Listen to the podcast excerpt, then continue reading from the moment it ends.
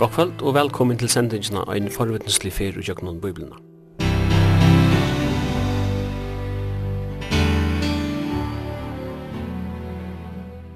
Henda sending er at høyre lintene kvart mykje kvöld klokka 19 og endursent vir frugida 17. part klokka 15.30.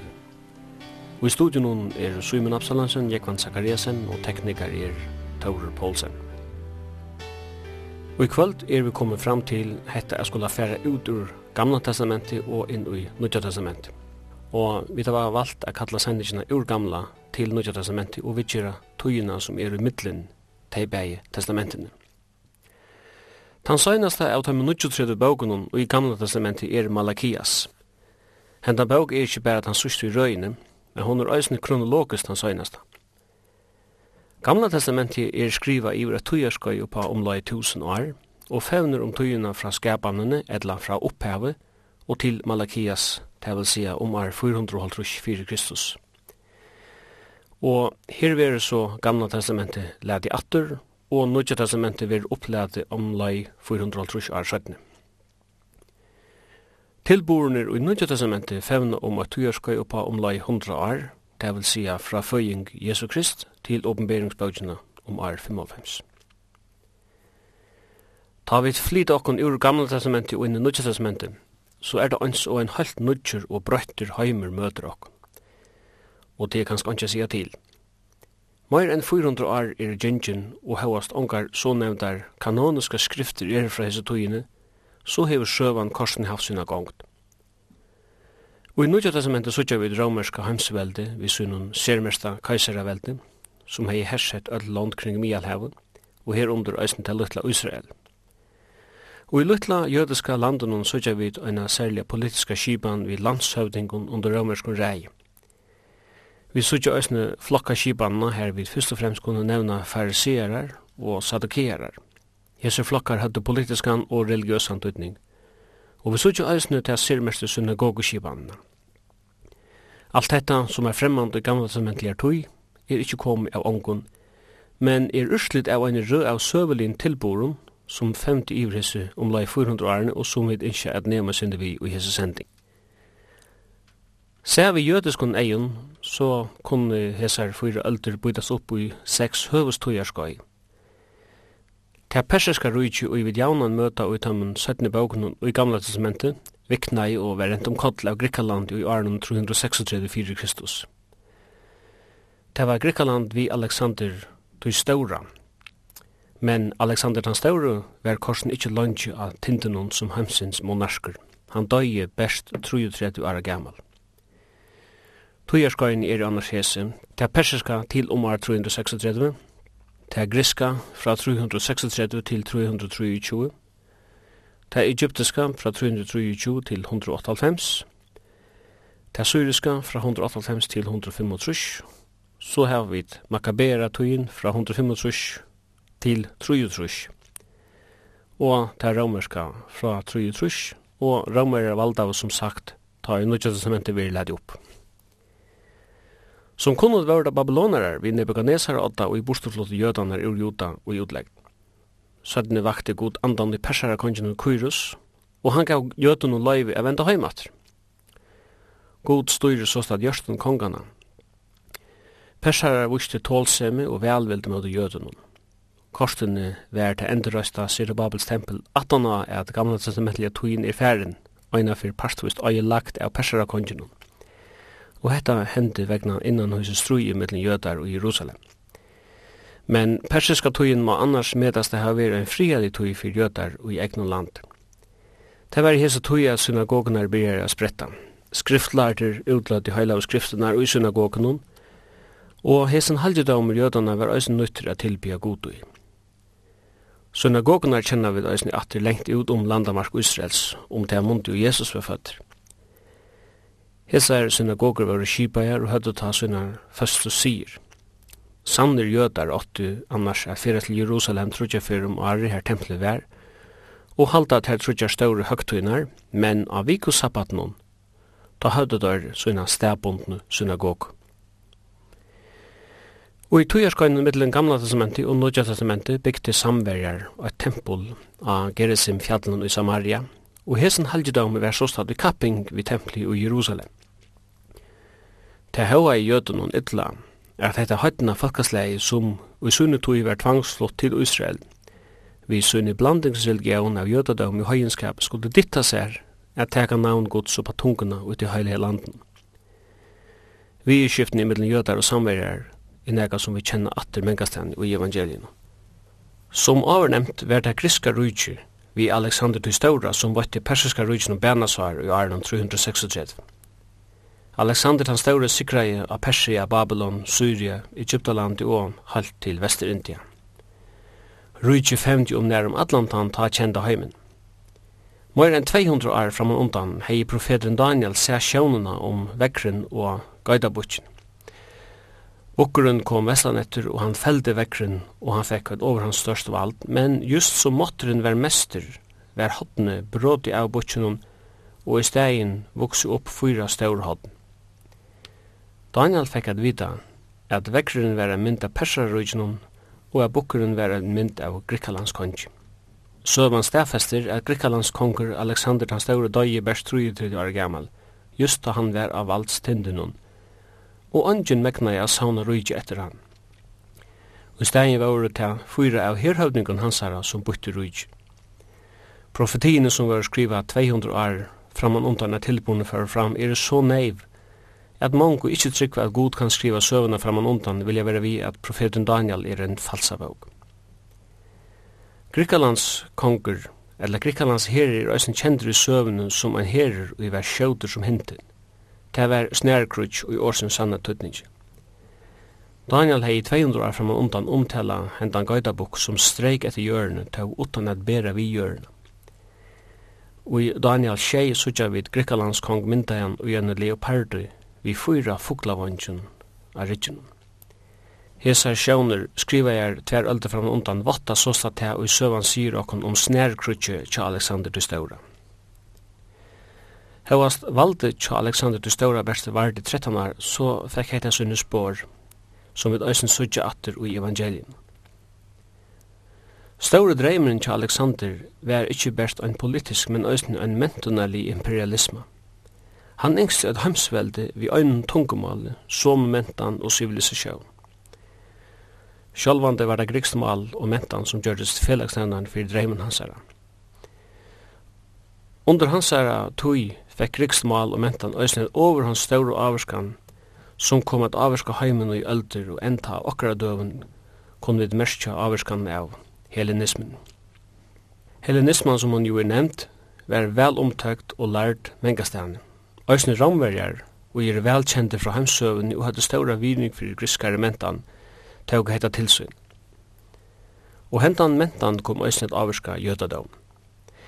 Ratt sikvande jødar vi sunne trykva hin øyna sanna god jave stau vi møt i averskan og tar vil de ikkje vide av at at no gamla testamentet var omsett til grikst. Jeg tog jeg tar mette til som godsspottan er flytta der høyla av skriftene i ivrig fremmant mål. Men det var jo nekver jødar som bo i utleggt, og som hadde avmarska en kunnleika til hebraist, og hertil var det òsne høydningar som sundi ahu og jødadom. Gamla testamentet var tog omsett av halvfjers lardom, jødom, ur hebraiskon og til grekst. Hetta for fram i Egyptalandu og tema møta seg vera stórhending. Umsetningin fekk navnet Septuaginta og ta merkir halvfjers. Som nevnt var griska rujtju byttu i fyra etter deg Alexander den Stora. Tvei av hesson rujtjun hava særlig tøytning i tøyene i middelen Gamla testamenti og Nødja testamenti, og til det syriska og det egyptiska. Egyptaland gjøres valdsherri i Israel a byrja vi, og tar kua i òsne jødanar i fyrstene. Kongren veri nevndir Suerlands konger. Det var annars i hesetui at gamla testamentet var omsettelig grikst i Alexandria. Daniels bok, kapittel 11, omtaler hesetuina og te mongo strujini i middelen Syria og Egyptaland, etla i middelen Norr og Sur. Israel som la i middelen gjørtes vujbødli fyrir mengar herferer og bardier i middelen hesebå kongar – og jøtar kom til tøyer at loja negv. Men de levde i øysni vevnen om at Messias skulle koma, og henda vevnen og bært ham opp i öldur. Griska mentanen fekk større og større avvarskan i Israel. Dyrskan av fløyre goden og dyrskan av vegurleik og list kom stand i ansøkning til hinn av kjønnelige åpenberingsgoden Jave. Imikir atrona var ligir balkar sprette fram. Negrir jøtar hilde fast vi launa og profetaner, Vi kunne kanskje kalla tar ortodoxar, og tar vel ikkje lade seg dalka av griskare mentan. Er var mer pragmatiske i sinne gods og mentunar oppfætan. Tar vel de hava det beste ur bavun, og teologiske rattleiki hei ikkje så stauran tøytning. Ur til fyrra balkinon spretti flokkren som og i nødja testamenti vi røpter fariserar, og tan fastra i flokkin og vi var røpter sadokerar. Jesus Kristus domfelte boar hese balkar men oppa halt kvar sin mata. Det var i røyndu veri høvespresteren og i vært han leiandi mitt jødanar hesen tøyen. Presta embade fekk ein virknan politiskan leiglod, og tar ortodoxe mønti sjalsagt at tøyr åtti hett embade er tøy at tøyr tryggfyr møte laun og Moses. Og i tøyinni under syriskun reier røyndi hese strujande parstaner er få norrlandskong i partvise, etla tan syriska kongin, og vi motru røyndetar at dreat han høytna kongen og i annars vær svåren hellenister, inn i strui. Og år 108 fyrir Kristus gjøres at han mest blåja og avhonalia og i jødiskar søve. Ta syriske kongren Antiochus Epiphanes sette seg fyrir at øya öll spår av jødadom. Eine fjörde tusen jøda var drypner og tusentals rekner og utleggt. Esen Antiochus Epiphanes sier at det skulle være deirefsing for de som held sabbaten, etla som offra av til herran. Antiochus fyrir inn i tempelet, og han bygde eit høye altar inn i det aller høyligaste, og han offra grusar til griska godin sevs. Tar jødar og frasvåre seg tryggvunna av hinn eina og sanna god Israels, finge gaver og velvild fra Antiochus. Men tei er nokta var pynt og drypen. Søveskrivaren Josefus hever av hundalega frasøkna fra hese tøyene om det og jødiska falski måtte loja. Hesen Antiochus vir ofta nevnt han gamla og antikristus.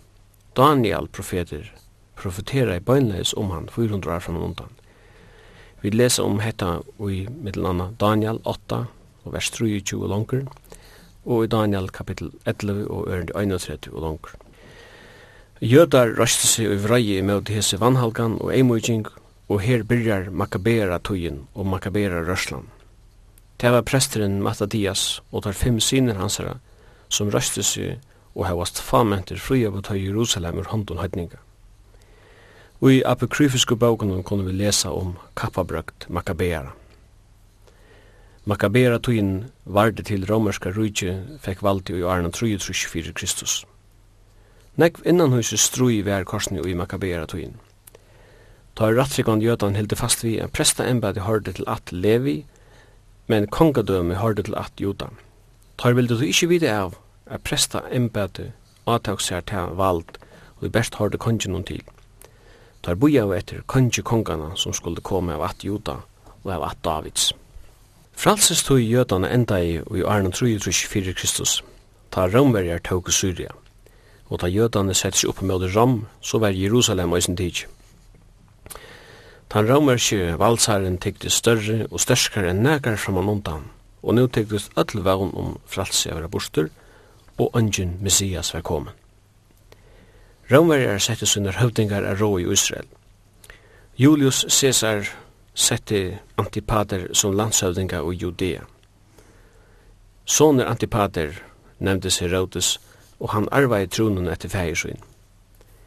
Hese meaver sætti seg fyrir að vinna tokka jødana og han byrjaði að bytja eller utbytja templi i Jerusalem, så til at de kunde vinna sometegn som de hei haft av døven Salomons. Korsen er hei hesen Herodes ikkje virin kvir jødadavn, han var svåren hellenister. Søvan omtalar han annars som evan i høttenon. Han kjende seg forfyldan av ötlun. Han drep konu sinna Marion og boar sinnar og han hei finnju vi henne. Ein dag fekk hesen Herodes vidjan av nøgrun vismann ur Estelondon som spurte hver konger jødana vær, tog der hadde sett stjøtni hans herra Estre og var komner at tilbya. Øttu kom av Herodes og alt Jerusalem. Ørskapen tja Herodes sutja vid best og i badna morgenum og i Betlehem. 400 og halvtrush år er i gingin, så gjerne gamla testamentet var atleati, og vi byrja å kjenne landsleie atter i Nødja testament. Omframt fariserar og sadukerar kunne nevnas trutjer ærebalkar i Israel. Ein var upp se Selotar, som var atslega partisanon partisanen og ikkje vilde vite av romerskon rei og vilde rega romerer ur landen vi valde. Så var det Herodi Anarar, og tar var avgjørst i møte allare møtstøve i møte romeren. Tar var tryggfyrir møte kongenon og rom, og mentunalia var tar tryggver mot hellenismen. Så gjerne var det essenerar, og tar yngst til at dyrka sin god i fri og helde seg borste fra politikki og mentunarluiv. Essenerar kunne sametas vi tatujar kvegarar. Såleis sa politiska og mentunarlige vevla i i Israel, ta anglaner av Betlehems høyen bør til gledelig bøyen, og bøyen var ikkje fyrst båren til fariserar sadukearar, herodianarar, selotar etla esenarar, men til vannverdar og forfjónavar hirar. Tikkum er det ein frelsare fatter, som er Kristus Herren, i steg i Davids.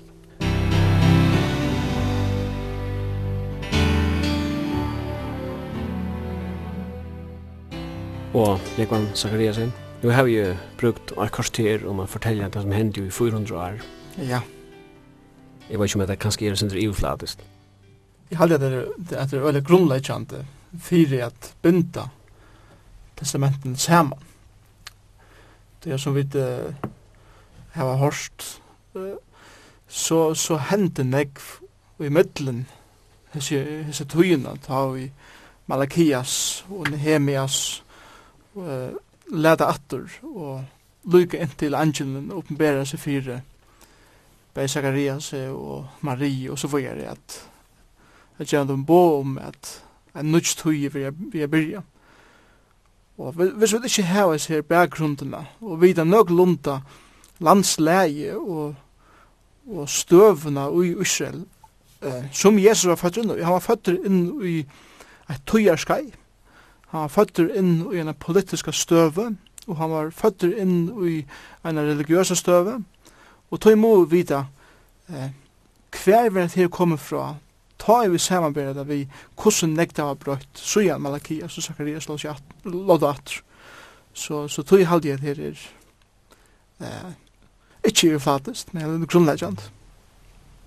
Det er nekka søvlige kjelder fra Sertoine. Til dømes uh, Josefus, han skriver nekka om hos her og Arne, og så er det eisen der apokryfiske bøkene, selja fyrra makabera bøk som omtalar pastar av Sertoine her. Eh, jeg kan huske meg spørst, for eksempel, det er to som apokryfene.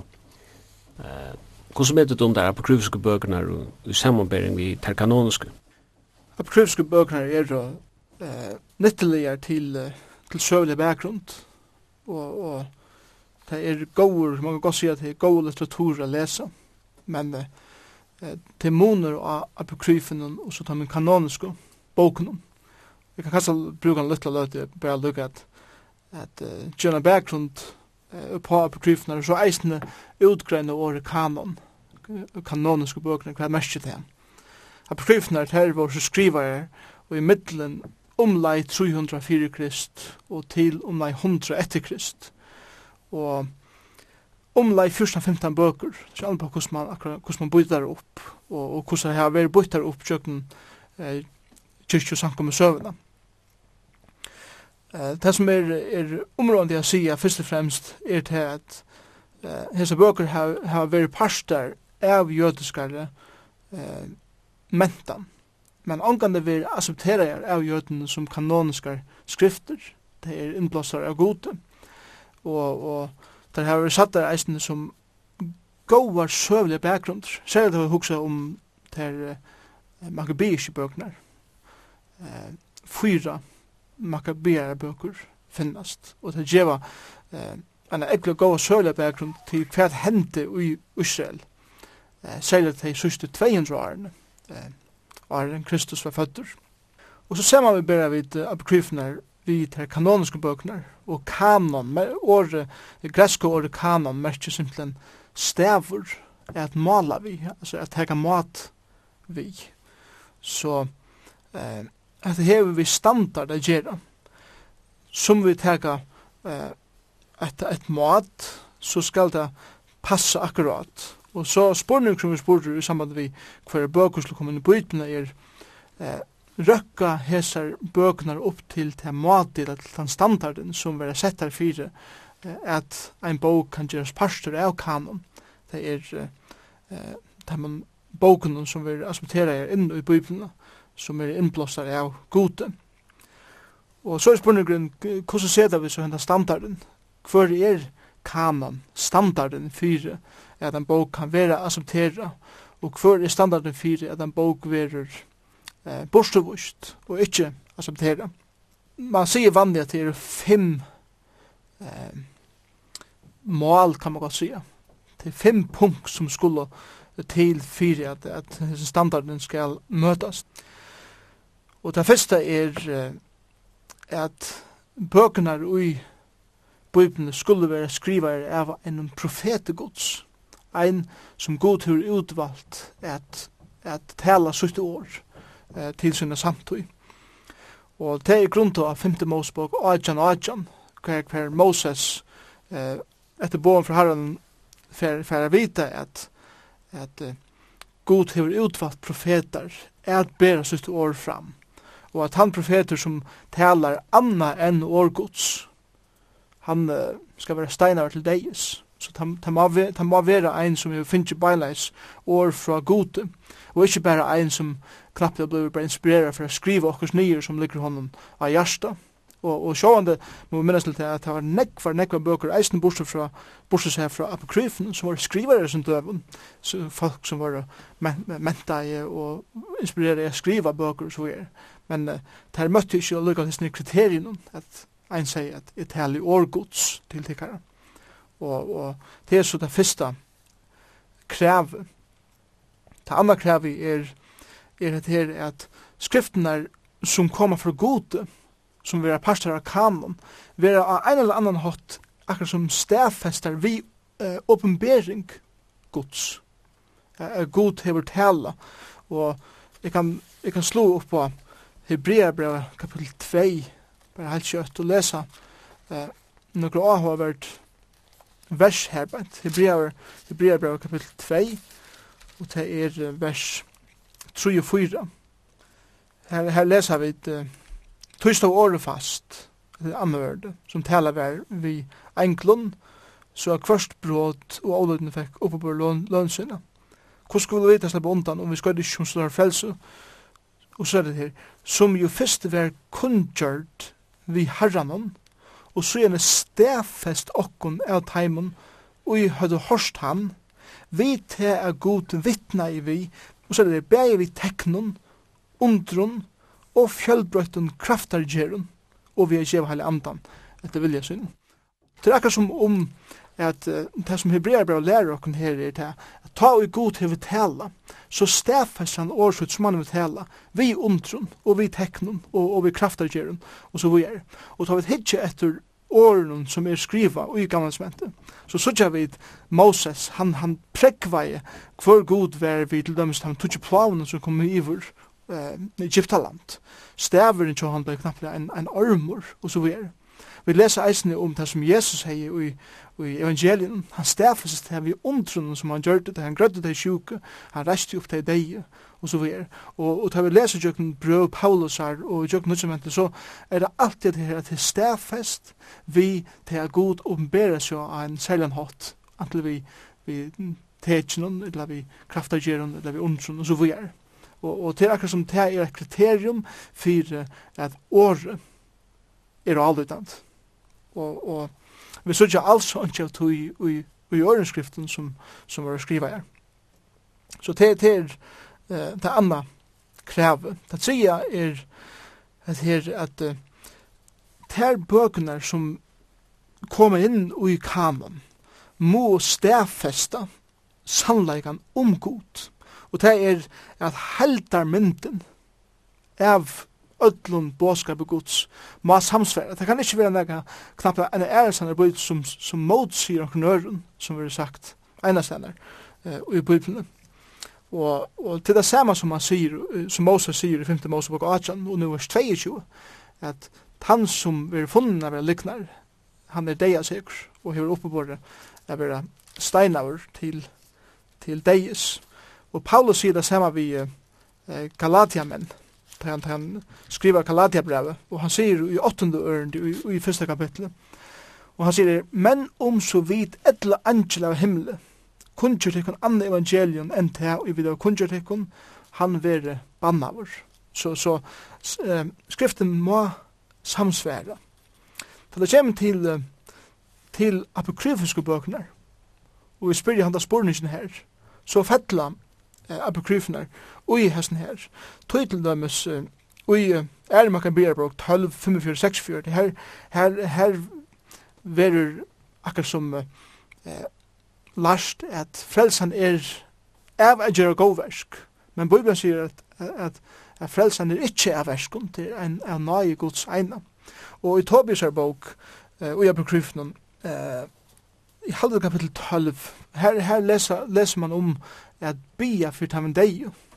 Og, og her har vi så eisne heter prak praktikum som uh, katolska kyrkjan hever enn det, at vi bia for tamen deg.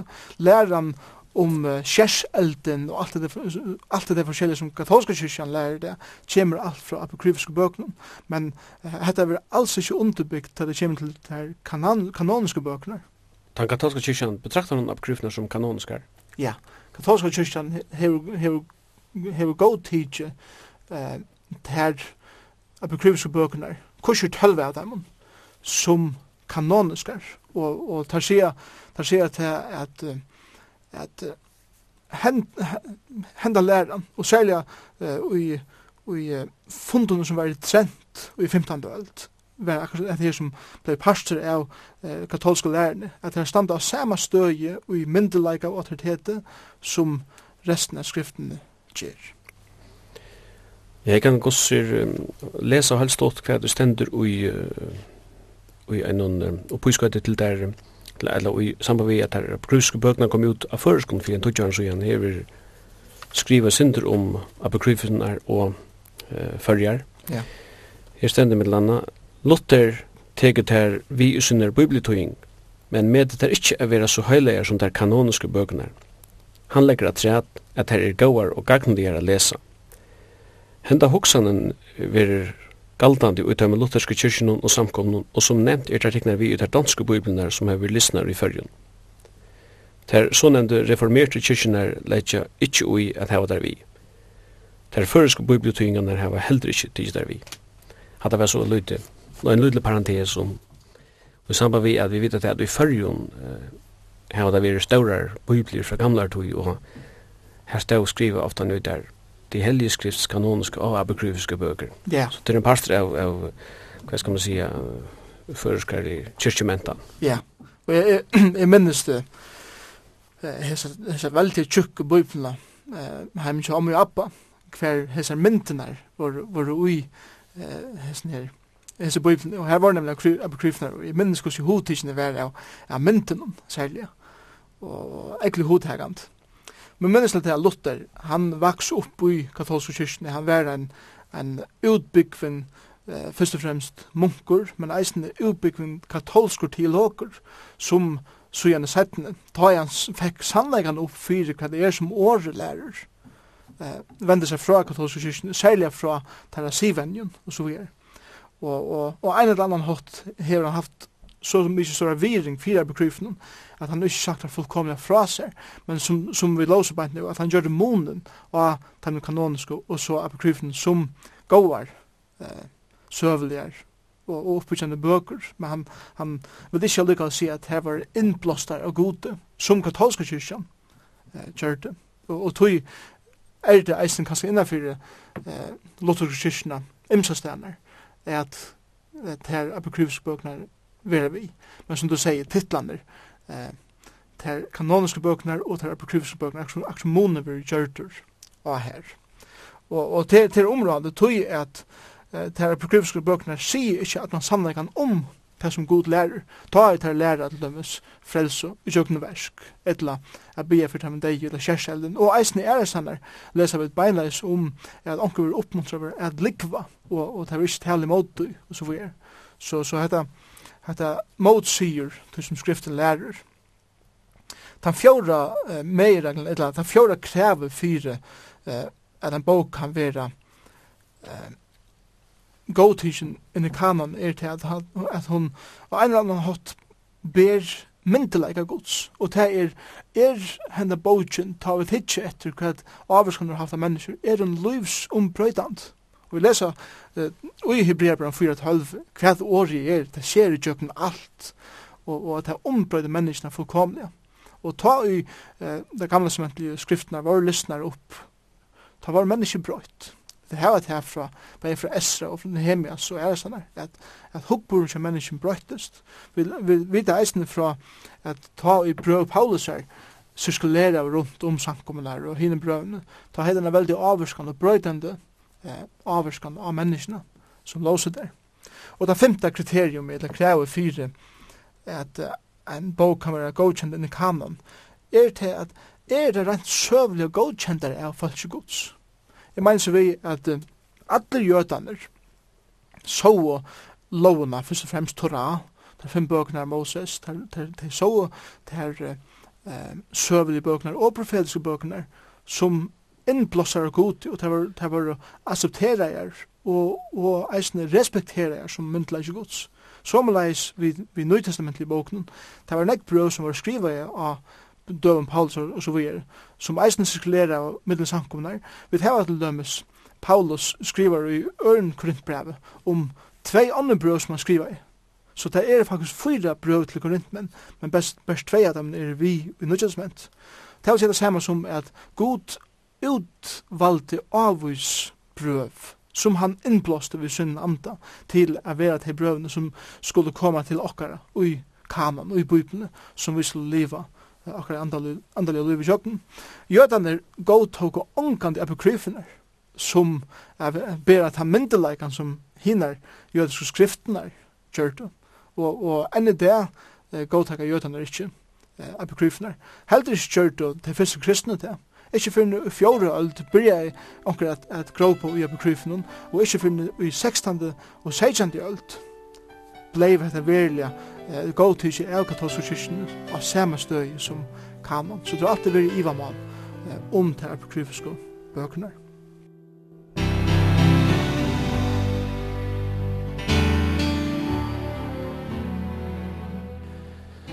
Jeg vann Malakias eller gamla testamentet vi lärde om romar för en rolltrusch och Makabera tøyen hon, hon kjem så ikke en 300 år siden, det hendte jo nek, i hese 300 årene fram og undan. Og et av de tingene vi sutja, det er at det er jødane som liv under, hva skal man si, presta reien, kan man si. Det hadde som så omgang kong. Og det er altså presta døm hei jo en, en virkna løyglod, eisne rent politisk. Det er vel altså vi er vant til fyrir, fyrir døm, kan man si. Ja, det er at her verur så politikker og eisen religion blanda saman. og det som hendte var det at han som var valdur til, til dømes av høvesprester, knapplega eisen stå som politiske leier i landen, og, og da man begynner å blanda religion saman vi eh, politikk, så er det akkurat som er grunderlei under på havon, er faktisk tidsi borster. Eh, til for det bytja til religion og tunna gudstyrkan, eh, og på eh, tøyn politikk, og du for samtidig at blanda tøyn politikk inn i Guds dyrkanina. Og, og jeg halde det til ei kjendi øren jeg hessa tøyina i Middeltestamentene, som atter gjør det til at Guds dyrkanen i Israel og Juda, det sier 400 årene, eller særlig at det var kommet til 17 helt, var utrolig eh, blanda vi, vi allt möjligt anna utanifrån. Och hon, hon var äckliga, kan man gott säga, dolka ja, allt möjligt utanifrån. Ja, apropå att det vi politik och religion så, så kan man kanske säga att, att eh, politikren har alltid bruk för kristendom. i också om uh, hotök som etikker och moral och så framvis. Ja. Men vi kan också säga att kristendomen her, absolutt ikke bruk for politikken. Ja, det er pura rett.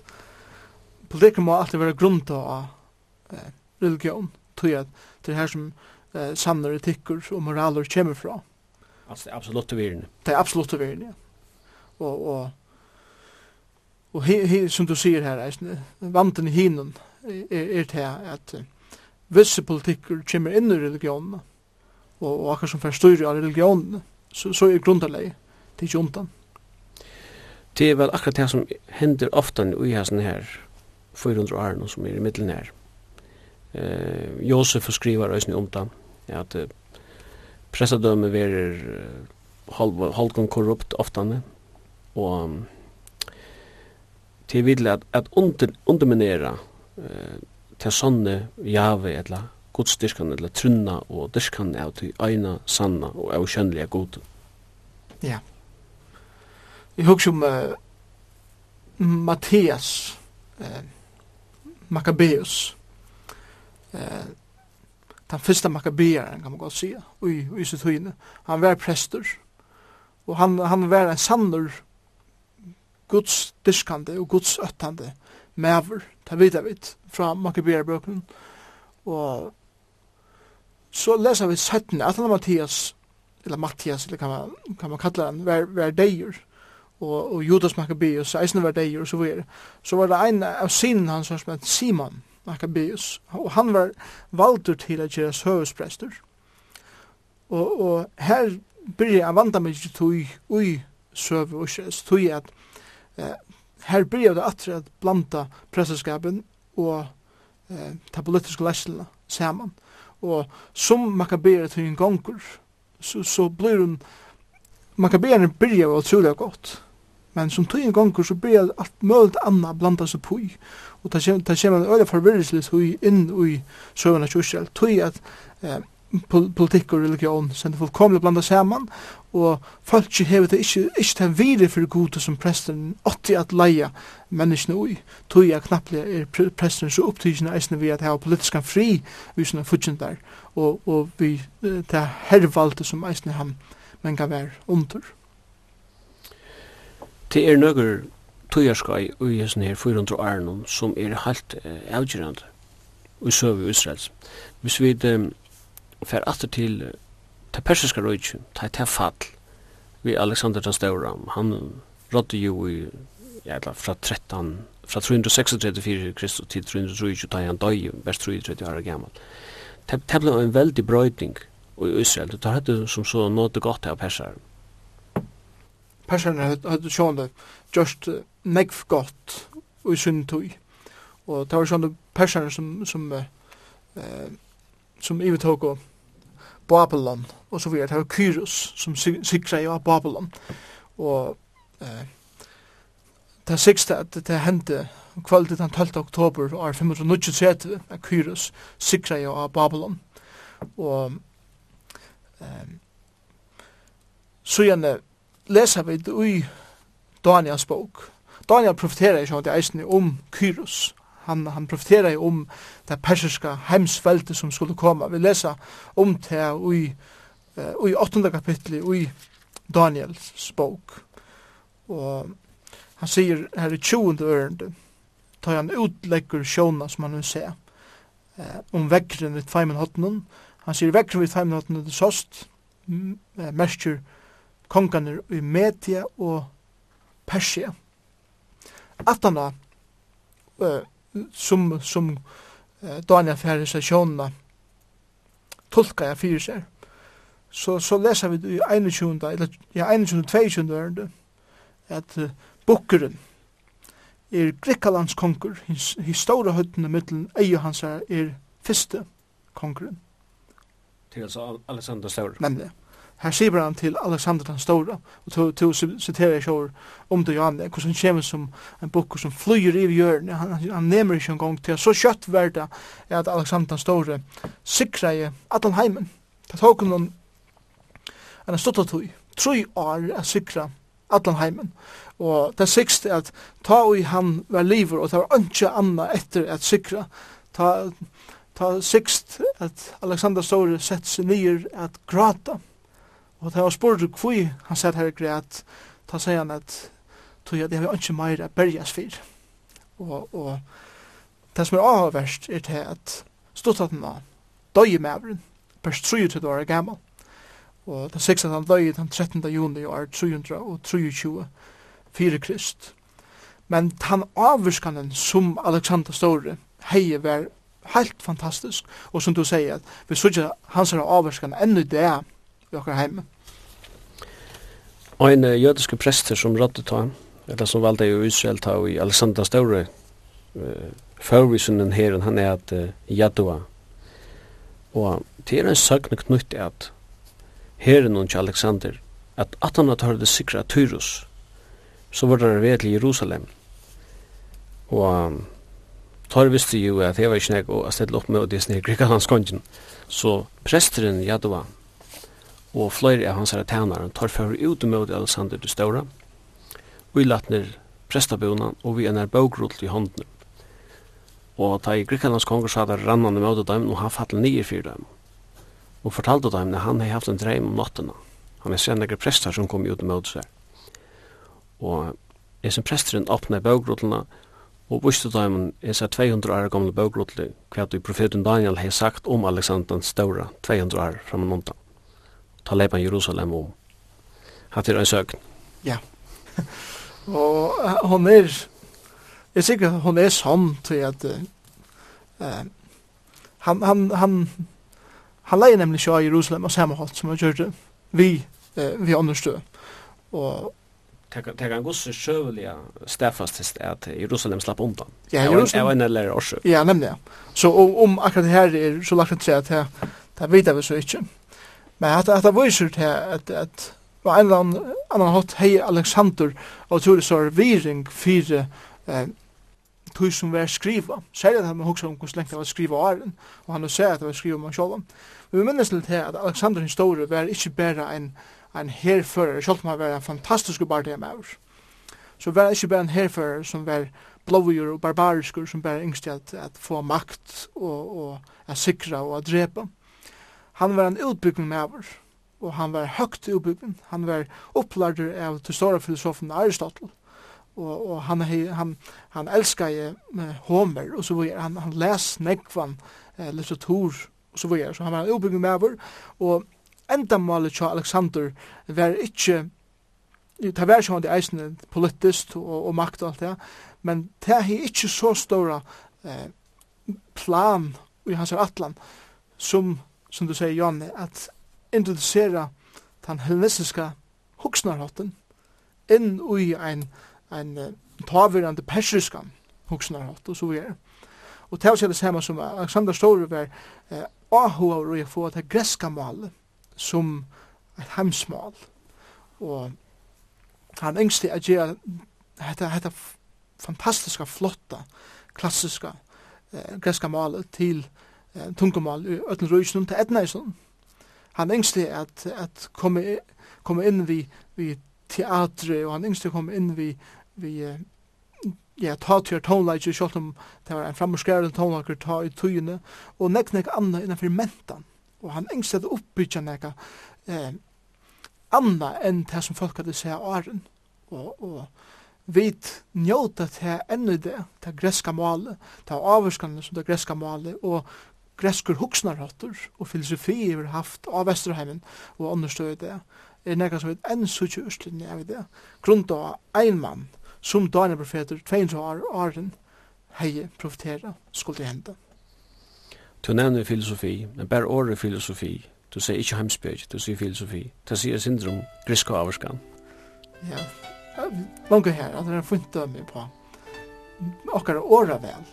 Geografi og psykologi, vi hadde kanskje ikke brukt disse årene i det hvis ikke vi er på grunn av alle samt og større. Så står averskan, har han haft av alle heimsøn.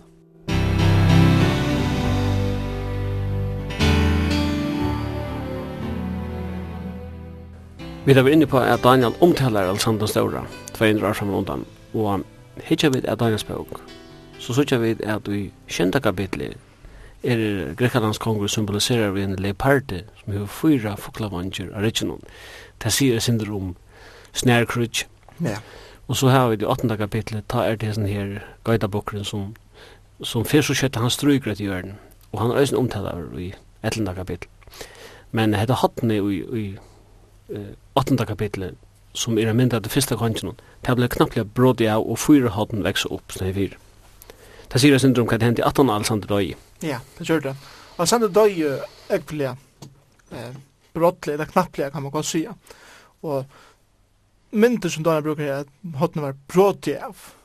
Det er et heisne på at, at nu, nu,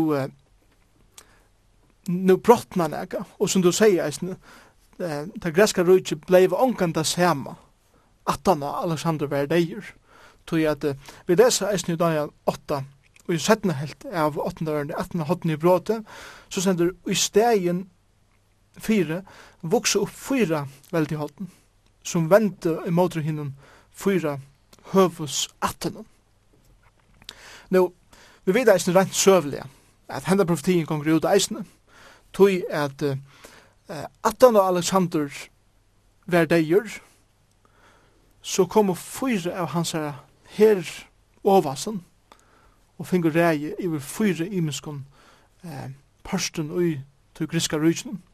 Og navnet at han fyra var så Kassander. Eh, Kassander han eh, fekk eh, herradømi ui det som vi der kallar fyrir Grikkaland så heter området her som Grikaland ligger og i det. Så han, han er ikke størst området at mot hinen.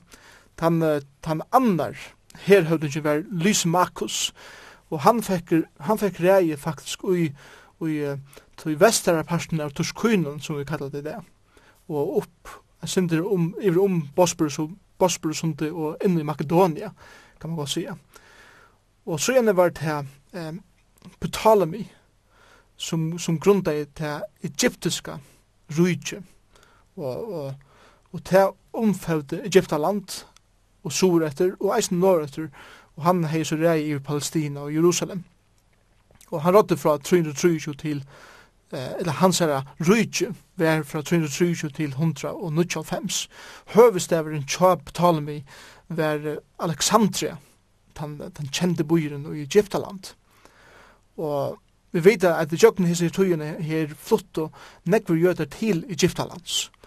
Og tar finko jødene som flott til Egyptaland finko så eh, over og avvarskar det av den greska mentan og tar finko greska malet som sitt høvesmål og ikkje arameist langkur. Og det er utfrasen her at Septuagentia, eller Septuagentia, eller, eller omsettelsen av gamle smente til grikst for fram. Vi kan ta oss syndrom til sættene kanskje.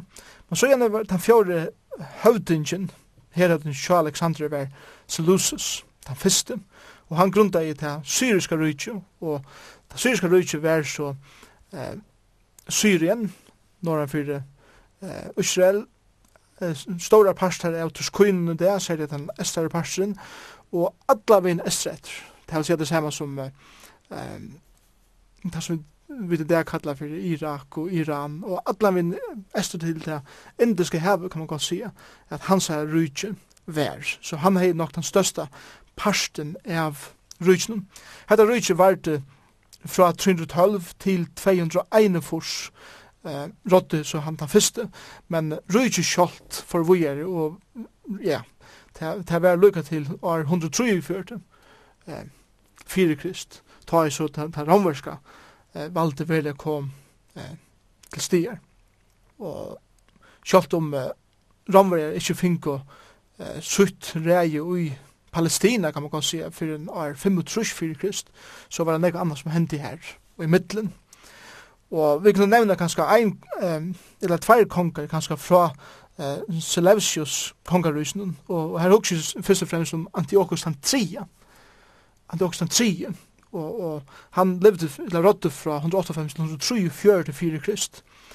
Eh, han var en god med Han, han hjelpte til til dømes ved at endreise tempelet. Tempelet var, var fattelig an ikke hatt utjøkken av krutsjen som var, fer, var, var fram. Og han var vid til å hjelpe høvespretten som er Josef av sønnen tog, og han hjelpte henne at heva sanna godstyrkan, samtidig som han henne stora hellenistiska avvarskan av Jerusalem, eisene. Til dømes var han vidt til å bygge et størst stadium i Jerusalem, hver grisker, eh, eller griskar utryddergreiner, eisene var fram i Jerusalem. Men eh, til kanskje særlig sånner hans her, som vi kjenter eisene fra Darius bok, og til så Antiochus han fjore. Og han fikk, han fikk eknevne Epiphanes, eller han, han kallar seg sjølvan Antiochus Epiphanes, og sjálv han var Antioxan fjore, den åttande konger, kongren i eh, Slavsius rujtjen, og Epifanes merker simpelthen god åpenberaver, til at Antiochus fjore sier at, at han var ein ein åpenbering av gode, men her var det ikke Javi han også om, han også at han var en inkarnasjon av goden Zeus, eller Zeus, eller kan man kalla han. Og han fikk et, et eknevne, uh, i stedet for han kallar seg sjåan eh, Epifanes, så fikk han eknavnet Epimanes av folkene. Og det mestjer hinn svætje maveren, til at maveren vær svækker. Du innepasser her disse uh, generalene tja, Alexander Staura, som om um, som man sier, bytte heimen og middelsvinn. Og vi tala heita som Daniel kallar fyrir Norrlands kong, til lukka som til syriska ryk og surlandskong til som vær til egyptiska eller som i verlegan 50 om alt norra Afrika eh, Israel hever veldig problem her. Det er ikke man av grensene i mitt i middelen hese bæg og kjemmer vera en, en, en slæmarsk en slags vujvødel middelen til konflikter som, kjem, uh, som kom jeg vera i middelen hese bæg London og så sykja vi at det er at det er at en den her kulturrevolusjonen som er sånn den store byrja som fester rødder om allan heimen vi til at det kom uh, grisk eller hellenistisk avvarskan om allan heimen hun fester øysen rødder i Israel og jøtan hef imenskan hukbor at hvordan skulle takla det her som hender og her uh, koma nøkker partier som spretta fram i middel av jødiska falsk. Så vi så gjelder som det hender nega ui sjølvar til jødiska mentane, og det hender også nega rundan om det rent politiskt. Jeg husker om det var jo der jødene som domte vel de griske mentene, og så det er som ikke ville vite av det, der mette det at det var en hoene med skriften og med lovene og med Moses og profeten, og på den måten så kom imiske balkar fram og tar egna mentan. Ja. Man kan si at hvis man hikker etter en korset, er som fyra rujtjen som Alexander Store, eh grunda eller det som kommer att han Alexander var var där så kan man också se att Jerusalem og Juda eh ligger som lös med tvärnägl kan man också se särskilt att vi tar om kongar köp tal med og og och Seleucus tror jag att det ligger mitt i mitten av synen som du säger og, og det er det som gjør det greska rujtjen jeg veikar, at det blir innan hos strui og, og nek sløa til tilbake politisk og til reisende eh, mentene litt og så videre og, og ein, ein av den bølkunnen ui juta som ikkje vilja vite av negri og avvirskan utanfra er til dømes farisierner og særlig her i sambandet vi, tar vi tåsa om Antiochus den fjóra tog at Antiochus han, han var han var en god herrfører han var en god konkur han ekka mater men han var utrolig øndur og avviser da det kom til hvordan han, han får jødanar og tarra sier og tarra skrifter. Og vi vet fra Daniels bok at han var beinleis stortur av til enda vi tog fri eie at øyeledja eh, atlan gods kan man godt sija. Eit av endamalen sjå Antiochus var at utrota loven at lømmes. Han bannaje at loven skulle være lysen eh, upp i tempelen. Han bannaje at, at, at, at ter, eh, høgtøyner som var helt nær, og det som var praktiseret i lovene, alt var banna. Og det var så mykje harsbanna at omnækar, helt, eller, omnækar praktiseret det, så var det deir av synk. Og i ødelensen her var ein bølger av halgavun eh, mannen som sødde at vi ville ikke alt fire, er bjerga, ta med jødiske skriften og det, har blivit så sættende eh, fariseerne ta i makaberne, som nasjonale jødene rønte at verja landet fram til Åkus, så var det samtidig halga menn som gav sitt lov til at verja eh, lovene. Og tar, tar, tar klara av det, tog at tar, sjalt om Antiochus, han brente negv dokument, og han øyde øyde negv, så løtte seg mennesker etter at minnast lovene og skriftene, gamle som hent i utanett. Du kan legge på pyrer, men du kan ikke legge minne til en, en mann, og tar gjør det seg omega, kopiera det nyer, og skriva det nyer, og, og, og i jøkken alt det her ivelevde loven, og, og farsener var utrolig nek respekterer av jøtenen, tog at det hadde vært vidt til å velge eh, det er grunnleggende som folk eh, baserer sitt liv av. Er det ikke også at uh, Hesa skriftnar eisini hava verið varvættar í til dømis Egyptalandi, Alexander hava verið veldigar jødiskar kolonier i eh, Egyptalandi um tað mundu. Ja, absolutt. Og, og ta vita vil så sjón det eisini frá eh Septuaginta og, og örum dokumenter som vi hava eh, fra det tøyene, helt sikkert. Og et annet som vi så gjør, det er eh, byrjanina til terrørsla som, eller ta bølsen som vi kallar fyrir fariserar. Vi tar et problem her, til at vi kjenner farserene fra Nødja Testamentet som uh, nekre religiøse hyklarer. Og jeg halte vi til å en trobolag her, vi lukker som at, at gjør dere leis at de får det om, vi skulle minnes til at tar farserer vi møter her, det er jo en 200 år framan undan. Ja, hese farserene som uh, levde i tøyene middelen testamentene, uh, var helt nekre æren der som var av døven. Og hese, hese her som vi tar som nå, var virkelig halka i menn til at, at verja lovgods.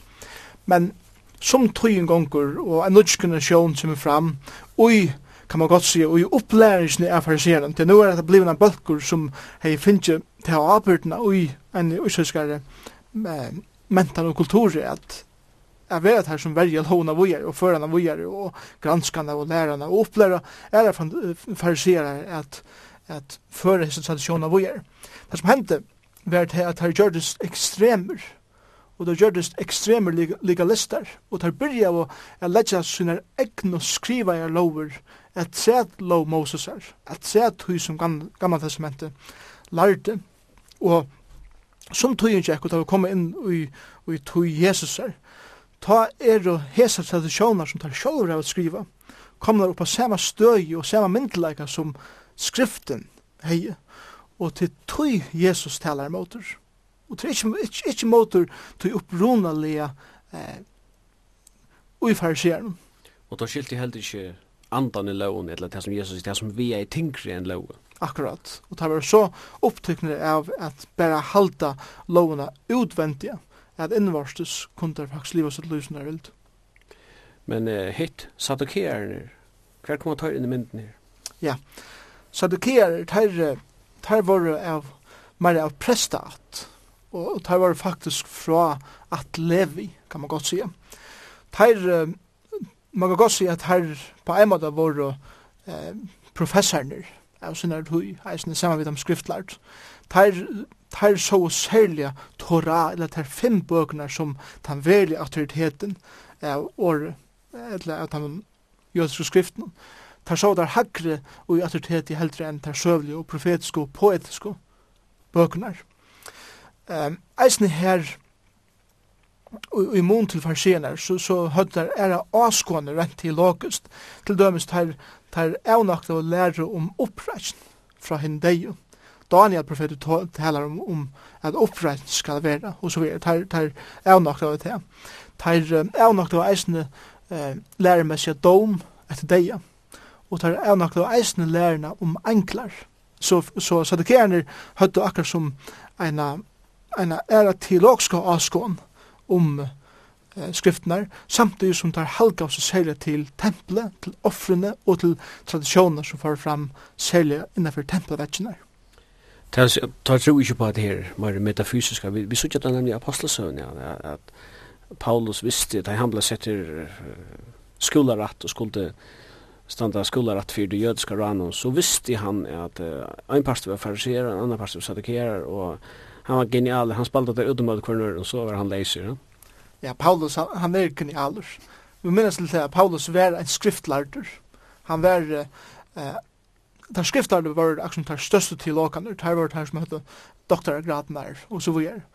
Og Paulus han han hei granska lovna og han dotte alt gamla som hette åtta nett konsultera det fullkomligt åt att Det var ett av krövene för att vara en skriftlärd. Och vi vet han, han, han lärde ju under Gamaliel, så han kände allt till farisier, han kände allt till avskående som saddukerade och för att uh, släppa så snickale som möjligt till han var åka i apostlasönen. Så sätter han en, en diskussion igång, och akkurat han bara smutsar bostor med att här stannar kälta sina medlen.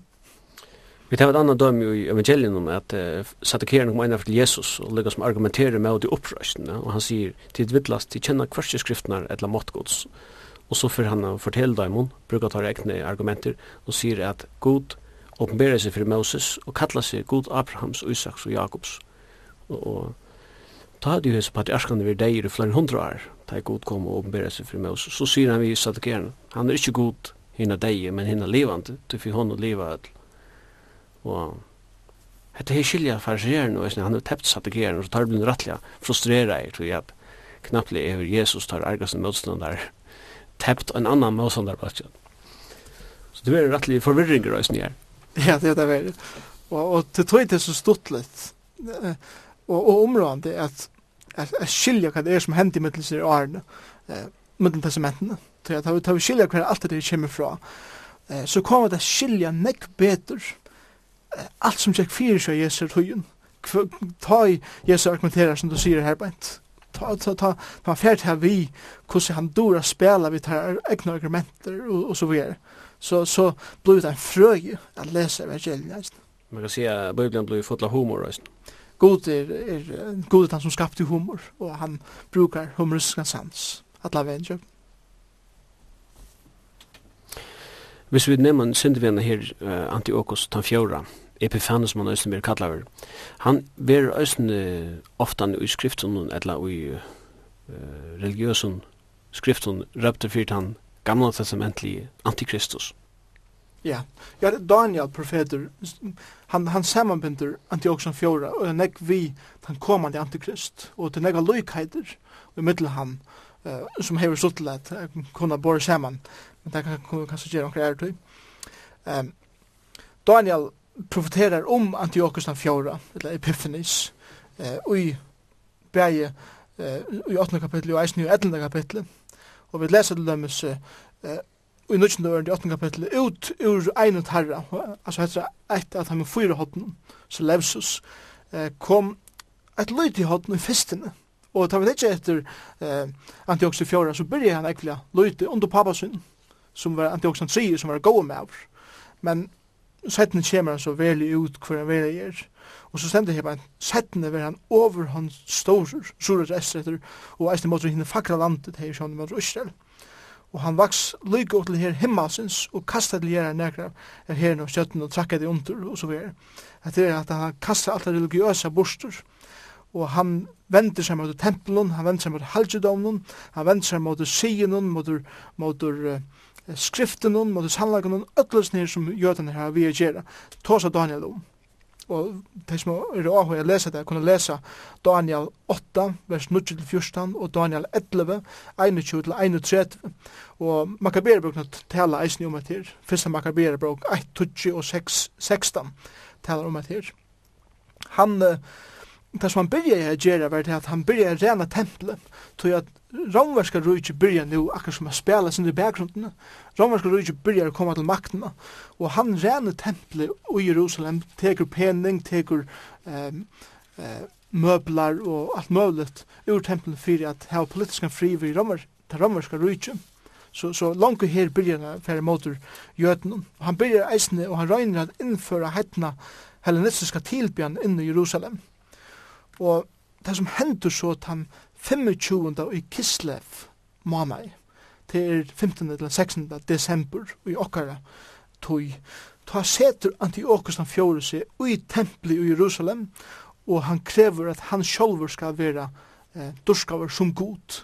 Det han sier sånn at han var en inkarnasjon av Zeus, goden, og han krever at han skal være tilbyen, og eisen at grysa offerkjøt skal være offre av altaren i Jerusalem.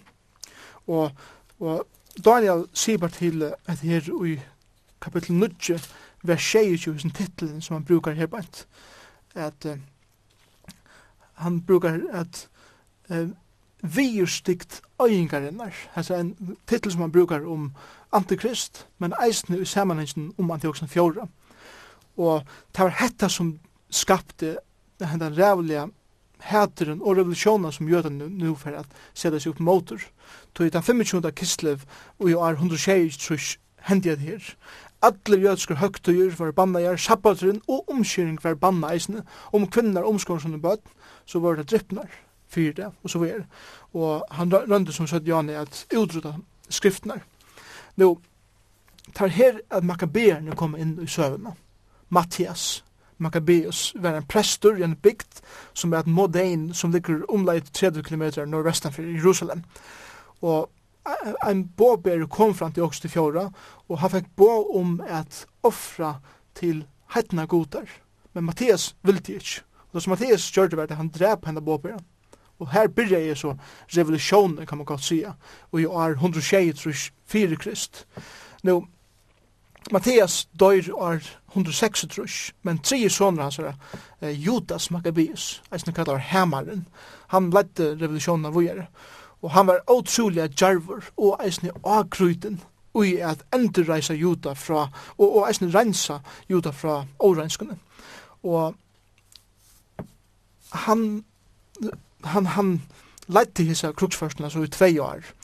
Den 25. Kislev, 15-16 desember, år 104 trus, og dati eh, tru år sættene, at han har også fjore her sætts i tempelet, marsjera Judas Maccabeus til Jerusalem i sin herre, og han sikrar av Jerusalem, fer inn i tempelet, og han, han beiner alt borster som Antiochus har sett opp, grusa eh, offringen er borster beint, og alt er endreist, som det har vært i åren. Vi leser om at her eisen jo i 1. Makkabera bok, kapittel 4, fra vers 2 til 2 og en veldig høgtøy var hilden, tog at nu var alt endreist, og en rensan skulle færa fram, og det var en, en rensunar høgtøy, kan man godt sige, og det er så Hanika høgtøyen som enverer praktisera og i det som kommer hennifra. Det stender i Daniel 8 at til genga 300 kvöld og måtnar så skal halvdjedømmen komme at til sin ratt. Hetta nekka vi hesa in det? Ja, det hevur absolutt. Og hetta har vært talt fra tøy at Antiochus 4 byrjar at vende seg motor jötnum og jötnum til tan 25. kislev år 104.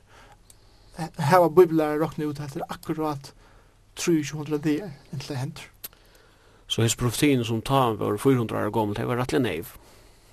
Ja, det kan man godt sige.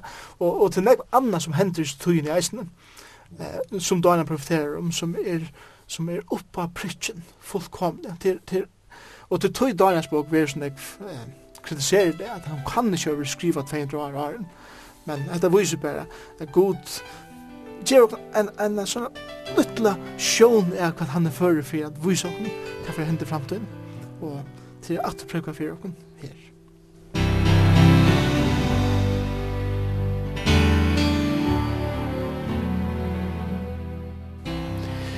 Da man leser noe som får fram eh, med til civila folkene i Israel så er det halt, halt av hona litt å lese hvordan han torturerer i folk som ikke vil vende seg bort fra jødedamnen og offra til de griske godene og så framvegis. Det minner synder om det er forfylgjengar man leser om de kristne blir utsett for under Ram, altså under Nero og så framvegis.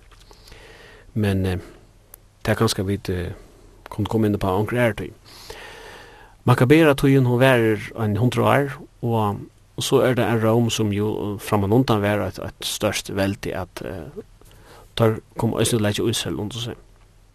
Ja, Romer er nu koma nu og, og tar er sjåan tan heimsmakten som, som teker rei og er ene tro kjærlei så koma Romer til, til Jerusalem og alt pal Palestina er nu pastor av romerske rujtjen, sjålten var eimann det hever til åren til at det blå sterskare og sterskare. Um, det gode, Robert hadde å tro han er godt. Sier at det kommer til byggene. Alexander, han er først eh, mer den hellenistiske og den mentalige eh, avvirkningen inn i eh, heimsveldet, kan man godt si at da. Robert, her blir jeg og det er veldig bygningsmenn. Det er bøyer, slott, skanser, og, og via samband var helt framskerant. Via samband i middelen landsparser var vanligt av døvnen av ramverger, og det var torrførst er ferast og i middellandsparsar. Ramverger bytja veier som er helt fantastiske. Eh, ein, ein høvesvever som fer fra Rom estret, alla veien til, til eh, Beiu, eh, Iran og Irak, alt han veveren, og, og, og det gjør det til at det var nekv jeg ferast, Nu, let oss se det samband, det her samband med Nudgesement, at Paulus og alle hinne kunne ferast lattelig om mitt landsparstar, og av veven som var, var gjørt til det samme, akkur som god fyrirreikar her, at utspreingsne av evangel, evangelien skal nu gjeras lattare lattare. Et annet som romver og gjør det eisen var, var det her, at Ari romver kom og var med al her fullt av sjårannaren. Det var utrolig å eh, sikkert og vandamykje er ferast vi skip i Amelhavn, tog at fleste skipene var rand. Nå, eh, Romverjert har utrydda alla sjåranar i Melhavnen og gjerra såleis av farmaflutningur og flutningur hele tidsje gjerst nek lattar i middelen eh, hessar høvesbujunar som var eh, i Melhavnen. Nå, Lad oss hugsa okkur atter i samme vi evangeliet Paulus han ferast, nekk vi kjipe, tog jeg det var nu det er en, en sikker og, og fralser mat jeg ferast på. Og det gjør det eisen til at evangeliet kunne være sprett nek sjåtar enn det annars er vi gjørst. Nå, Jota høyr til Rom, og det var størst av romvorskun eh, leiaren. Lukas nevnte Augustus eh, kaisara, som rådde ta Jesus var føtter, og han rødte eh, i 22 år til omlai fra 22, eller han rødte fra 22 fyrir krist til 14 etter krist.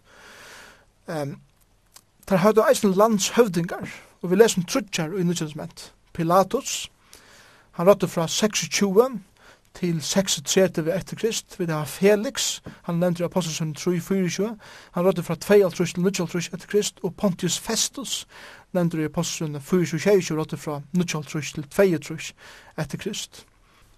Nå, Herodes-familien, hon, hon var så eisende ui ötlens nir, og jeg pleier å kalle Herodes-familien for dukko kongar, som uh, var setter av ramveren av vera ui juta, hese tugina. Nå, Antipater, som du nevnte Johanne, han, han var den fyrste av hese kongen som var, var setter. Herodes eh, versus soner hans, Herodes sin fyrste, det er store, som er som vi kallar. Han rådde fra 2.4. til 4.4 krist. Men vi leser at han vart han eisen som drev bøtten i Bethlehem, som vi leser om i Matteus 2. Hetta sier okkur nok så skeg, nok så avhverst, at Jesus var fødder omlai 4-6 4 krist. så uh, vi vet ikke om det at tøyerakningen hon kom sjående ikke inn for en nekst hettene om det år 500 det katolska kyrkjan interesserer jeg anno domini det år Kristus var, var føtter og hette sier okna at det at om vi rakna at Jesus var føtter om det 4-6 4 krist og døy år 33 etter krist og vi ser vanlig at Jesus døy 33 år gammal men så var han kanskje en 23 år da Jesus så døy hvis man råkner det på henda. Så det er avverst at jeg sutja det. Um, jeg, jeg halde at til, til området kanskje at jeg få jeg sindi vi eisne av de religiøse som hendte i så tøyene. Det vi da snakka nek om det politiske, vi da snakka sindri om det religiøse, men kanskje har vi kunnet lukka nevnt noen ting eisne i samband vi Alexander, eller rettar sagt vi Herodotus den første han byrja at endra templet i Jerusalem, som Zerubabel hei byggt, men det var ekvelig til affære, særlig at tøyna det var Antioxan fjore rådde, som rønte at øya templet. Herodos kjøpte seg 18.000 arbeidsmenn, eller slaver, jeg byrja at omvela templet, og det stod i gjer av døven Jesus her, og det var slik at gjer for en var fyrtrusk etter Krist, og sjån tar var Herodes den store, sjån det deg i reisene. Men eh, børst seks år settene, så var tempelet fullkomlig lagt i øye, atter. Så et annet som er eisende områdende rent eh, religiøst er, er Septuagenta, eisende kallet LXX.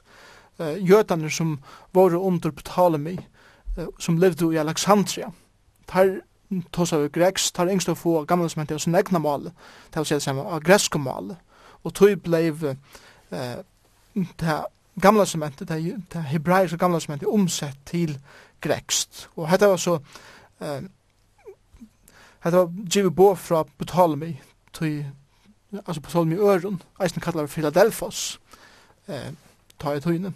Han levde, han rådde fra 245 til 26 til 4 krist.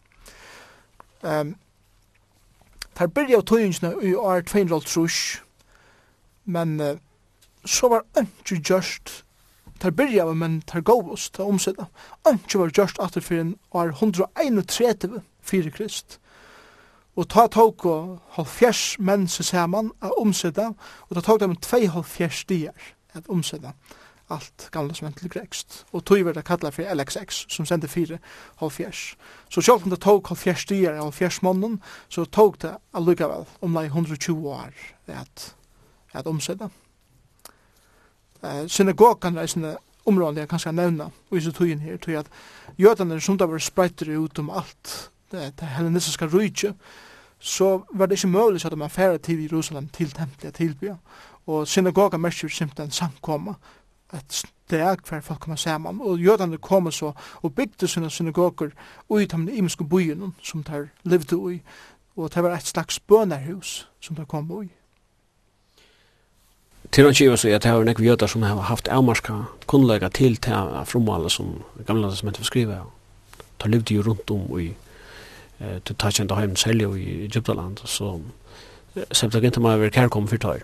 Ja, det var kærkom fyrir tøyr, og til som det som er avverst, eisen er til at ta i vidt lesa Nudja Testament, så er det nek sitat som eh, Paulus til dem siterer i Ugamlesmentet, som er tidsen fra Septuaganta, og, og til seg det samme som han brukar til greske vendingarna av til hebraiske omsettingene, til at sitera av køyne greskum, kanskje vær eh, Septuagenta meira klassisk rekst, at det er sånne eldre mål, kvar nudja testamentet er skriva køyne greskun, og tala seg det samme som det greska som den vanlige mævren ta seg av gøtene, og Paulus siterer det her fra Septuagintia.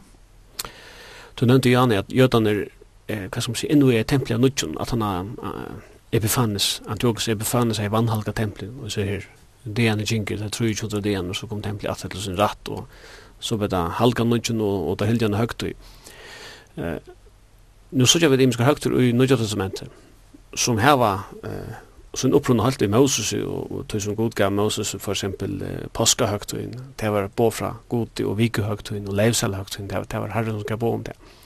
Men eh, det er jo sånn for eksempel Johannes Tutsi her som Jesus tåsar om hinn gav og hyran, så leser vi om at uh, her stender, nu kom tempelvuxle høgt i Jerusalem og vetervær, og jötan kom til han og spyr han om han er Messias. Uh, en skon halde det sender feast of uh, rededication eller luknande. Ja. Yeah är rätt at han högtid som eh, stammar fra Maccabera-tøyen. Ja, det er akkurat det her som han sier til. Og nemlig her er det området, jeg vet hava en generell vitan om så tøyene, til at om vi låser evangeliet og visste ikke om det som har hent, så hadde vi klar og høyden sagt, hva er det her for høyde som knapplega kommer her? Og, og ta vi skilja at dette er, og særlig at vi ser et samband vi det søvlige som hendte, hvordan utrolig det var, at på dato, tror jeg er sættene, eh, 25. kisle, vil 15. 16. desember, verur hendan høgtiden, eh, gjørt i Jerusalem, og hon, hon var minst kvart år i desember måned, enn det, mellom jødene. Og hon hever sin oppronøyner og tøyteligere søvligere hending, og takk minnen syndrom Purim-høgtiden. Ja, ta og jødene at det var vanta, at hun esters, og, og her, enn eina fyrir, byrja den høgtid, for at minnast at Og det som er så avverst er at det er rent søvelet, at det kan prekvast, og at det, at det sier okkur til at vi, vi Bibelen er ikke bare nega som bare ligger i flåter leserloft og ikke, ikke kan samanberes vi nega og bindas nega søvelet. Det kan han alle veginn i sjøkken, begge gammelsment og underjøsment. Og, og her er det høgtøyer som vera eh, praktiserar i jötnun, vi tøyfri eia, at vi minnast er god einar for enn hu bjarga okkur. Bei Purim og eisen Hanukkah høgtiden er altså høvs endamal med heimen og ikke berre a minnast hva vi gjør som gjøter men a minnast hva god til vi gjør for okken som gjøter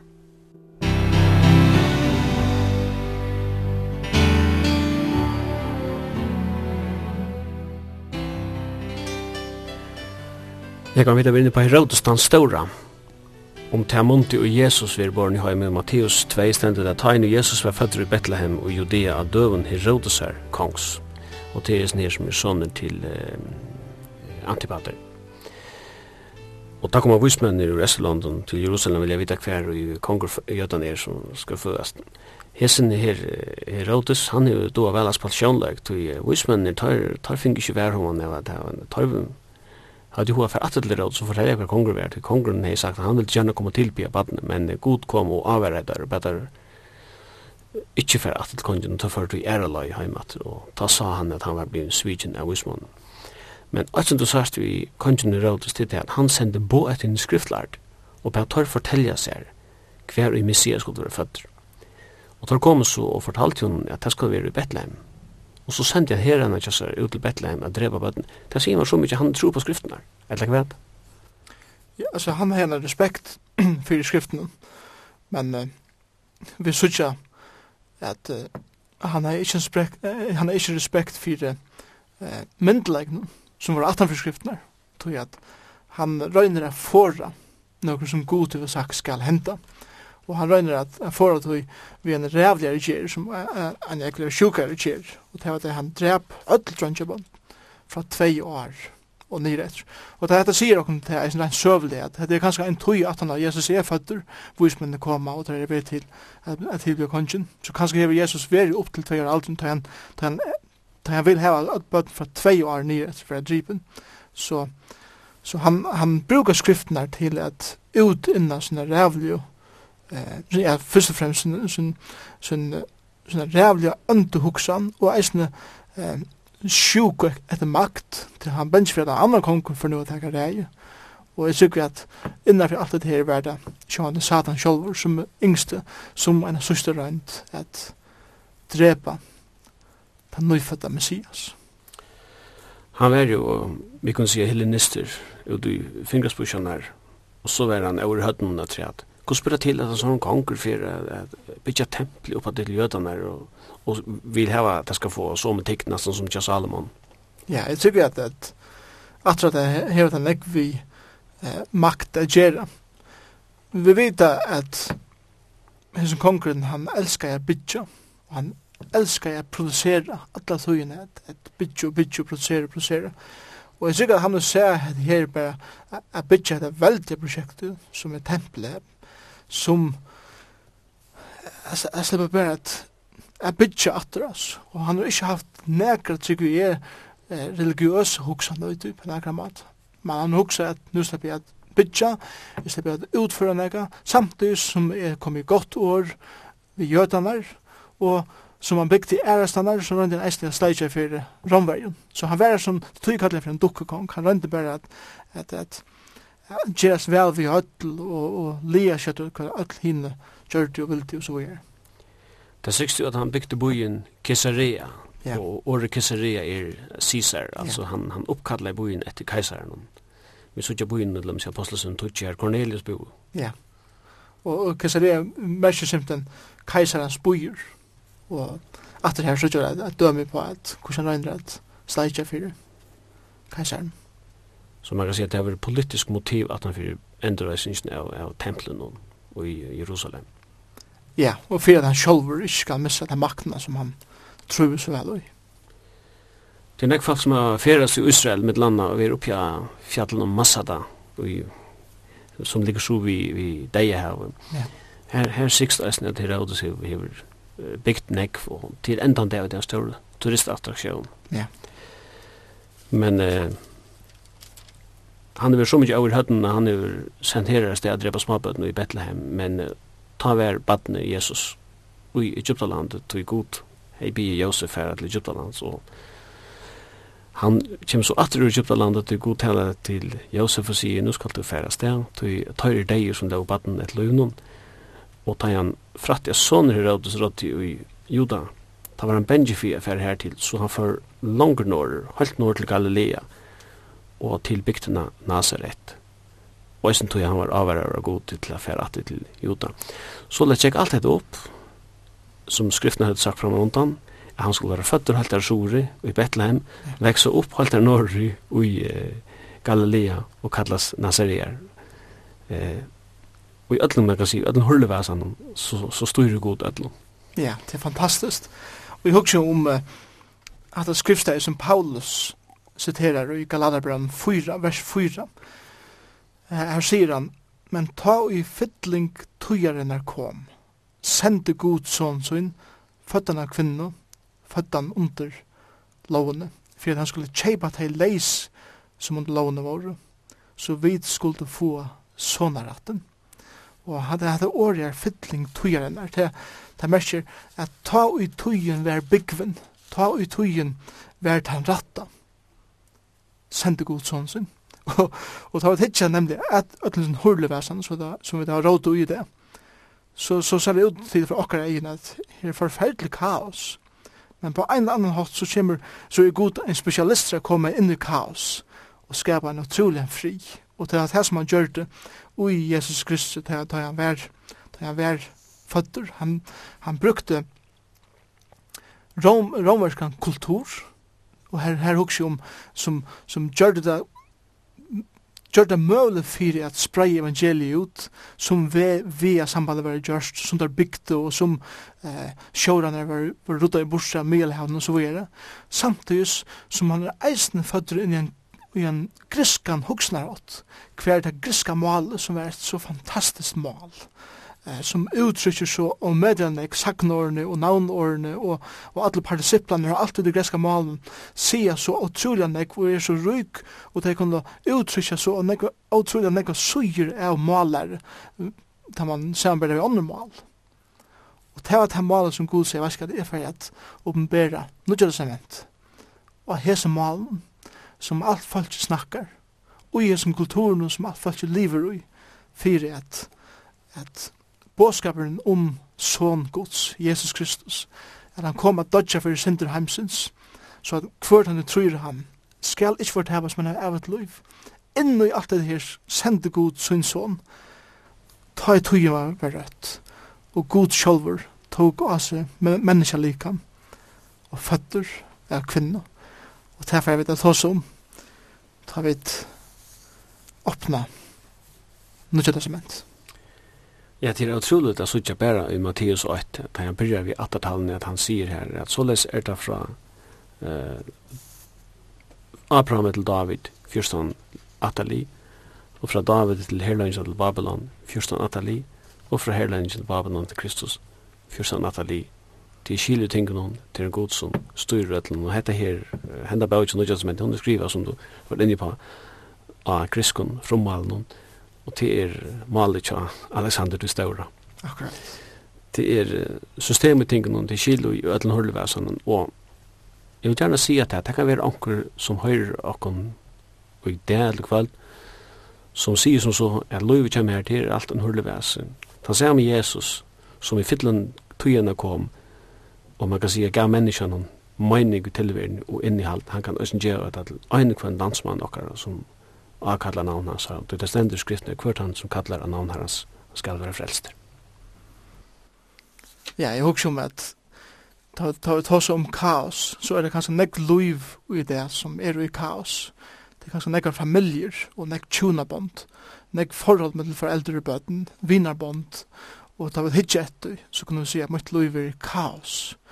Men det er det som er så underfullt vi evangelien, vi Jesu Kristi, han er en spesialister, at komme inn i en situasjon som ser ut av å kaos, og skapa nekka spilder nytt på sjurtøy, og få i ordan det som er eh, bråde nyer, at bytja det opp som er knust, a lette det opp som er bøgt nyer, og, og til, til det som vi ikke er kunngjere, er Og jeg husker meg ikke årene som Paulus sier i 4. par 14, at god er ikke god åskils, men friar. Og at året friar her er et, er et underfullt år til, det hever vi fria gjerra, men det hever eisne vi, vi ordan og skil a gjerra. God er fyrir for å komme inn i tutt liv, lika mykje gus liv kjøtt ser ut, og han er fyrir for å skapa ordan og, og gjerra den fri som styr opp om alt vit, alt vit menneskjan som vit alls ikke kunne skilja. Og tan frien er eina god Jesus Kristus som kan gjeva han og slukan fri.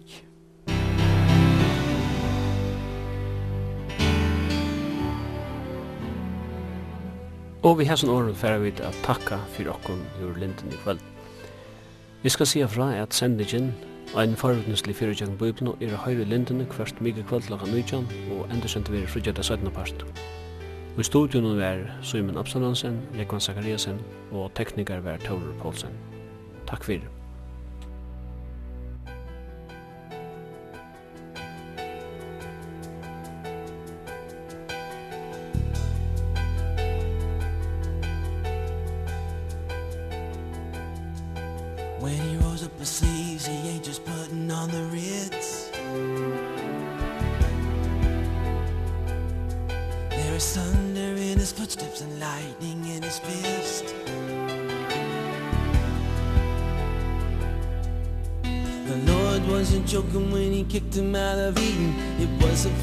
reason that he shed his blood. His return is very close and so you better be believing That our God is an awesome God.